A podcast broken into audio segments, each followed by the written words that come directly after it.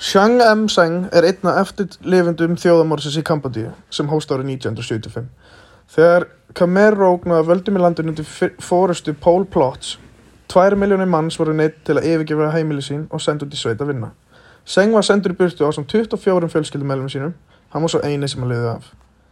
Á þessum tíma var hann 24 ára og að læra læknisfræði. Hann var látið vinna á hrísgrjóna, ögrum, allan daginn þar sem fólk fekk engin tæki til að hjálpa sig við vinnuna. Hann minnist þess hvernig hendurnar, hendurnar hans hafi verið þakta blöðurum eftir nokkur klukkutíma þessari vinnu. Tvisvar daga fenguðu litla dósa grjónum sem tíu manns þurftu að deila sín og milli.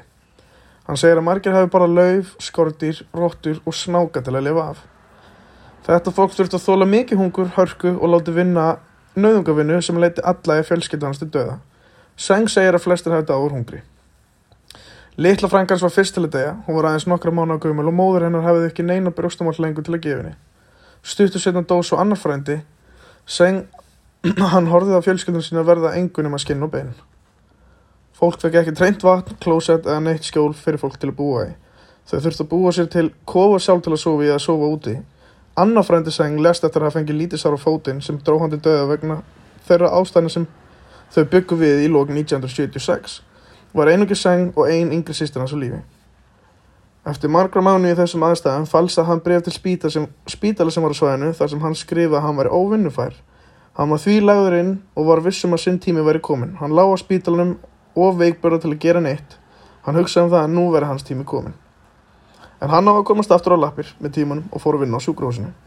Hann talar um það hvernig hann hjálpaði Khmer Rouge við líklósun og, hvernig, og hver kerran og fætur annari komi lík stöflið hvort ofan á öðru. Stundum þurfti hann að fara margarferðar á dag með kerrur fullra líkum.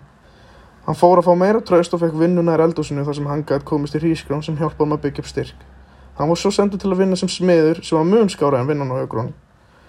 Sen komst í gegnum þetta að vera læknir og býr nú í bandaríkunum. Hann hefur skrifað um þessa skjálfilegu atbyrðu sem hann upplýði þarna og gaf út bókina sem heitir Starving Season 1 Person Story.